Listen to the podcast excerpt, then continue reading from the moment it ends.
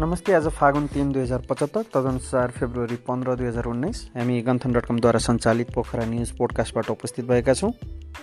गण्डकी प्रदेश प्रमुख बाबुराम कुँवरले गण्डकी प्रदेश सरकार गठन भएको एक वर्ष पुरा गरेकोमा प्रदेश सरकारलाई शुभकामना दिएका छन्।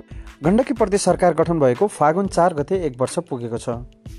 शुक्रबार एक शुभकामना सन्देश जारी गर्दै प्रदेश प्रमुख कुँवरले प्रदेशको बृहत्तर हित प्रदेशका जनताको सेवा एवं समृद्धिका लागि यस प्रदेश सरकारका मुख्यमन्त्री र मन्त्रीहरू एवं प्रदेशसभाका सांसदहरूलाई समेत हमेसा संवैधानिक एवं कानुनी जाँगर र क्रियाशीलता मिलिरहोस् भनी प्रदेश सरकार गठनको वार्षिकोत्सवको शुभकामना दिएका छन्।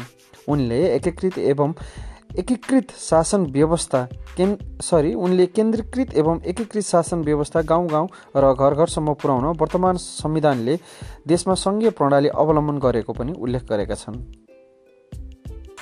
पूर्व प्रधानमन्त्री डाक्टर बाबुराम भट्टराईले व्यवस्थापकीय क्षमतासहित राजनीतिक चेत भएका व्यक्तिहरूको हातमा देशको नेतृत्व गए मात्र आर्थिक समृद्धि प्राप्त हुने बताउनु भएको छ।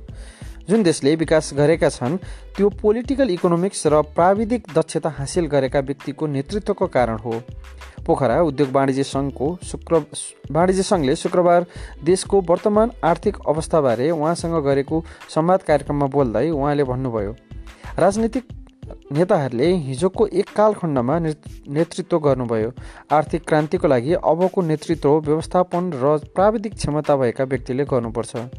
उहाँले हिजो राजनीति गरे राजनीतिक नेतृत्व गरेकालाई पर्याप्त सुविधा दिएर तपाईँहरू अब खानुहोस् र बस्नुहोस् र नयाँ ढङ्गले अगाडि बढ्न दिनुहोस् भन्ने आवाज निजी क्षेत्र नागरिकले उठाउनु पर्ने बताउनुभयो। त्यसो भए म पनि आरामसँग बस्छु म तयार छु उहाँले भन्नुभयो। अब त्यो क्षेत्रमा अगाडि बढ्नुपर्छ। यता नयाँ शक्ति नेपालका संयोजक बाबुराम भट्टराईले प्रधानमन्त्री केपी शर्मा ओली नेतृत्वको सरकारले एक वर्षमा सामान्य भएको बताएका छन्। उनले जनताको आँखाबाट हेर्दा एक वर्ष सामान्य भएको भन्दै दुई तिहाई दुई तिहाईको सरकारले गर्नुपर्ने काम एक वर्षमा पनि हुन नसकेको बताएका छन्। पूर्व प्रधानमन्त्री समेत रहेका भट्टराईले सरकार सुरुदेखि नै चुकेको भन्दै नयाँ कार्यक्रम र योजना ल्याउन नसकेको बताए। संसदीय पत्रकार मञ्च गण्डकी प्रदेशले शुक्रबार पोखरामा आयोजित पत्रकार सम्मेलनमा भट्टराईले जनताको अपेक्षा अनुसार सरकारले काम गर्न नसकेको बताए। नेप्लिज इन्काउन्टर्स विद्यालय स्तरीय टी ट्वेन्टी क्रिकेट प्रतियोगितामा शुक्रबार भएको खेलमा हिमालयन बोर्डिङ सेमी फाइनलमा प्रवेश गरेको छ। पास्कल र सृजना बोर्डिङको बिचको खेल भने केवल प्रतिष्ठाको लागि मात्रै खेलिएको थियो। जसमा पास्कलले सृजना बोर्डिङलाई उना अस्सी रनले पराजित पराजित गरेको थियो। शनिबारको सेमी फाइनल खेल प्रतिभा बोर्डिङले कुमुदिनी होमसँग खेल्नेछ भने दोस्रो सेमी फाइनल हिमालयन बोर्डिङले टप्स माविसँग खेल्नेछ।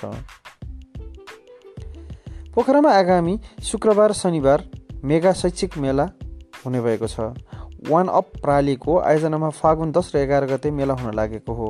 पोखरामा मेगा एजुकेसन फेयरको चौथो संस्करण हो। नेपाली विद्यार्थीलाई Australia America Canada New Zealand Japan Europe लगायतका देश लगायतका अन्य देशको शिक्षा प्रणाली भिसा प्रक्रिया र छात्रवृत्तिको विषयमा पर्याप्त सूचना प्रवाह गर्ने उद्देश्यले शैक्षिक मेलाको आयोजना गरिएको वान प्रणालीका प्रबन्धक प्रबन्धक भोला पोखरेलले जानकारी दिए। पोखर न्युरोड स्थित सिटी स्क्वायर परिसरमा मेला आयोजना हुने उनले जानकारी दिए।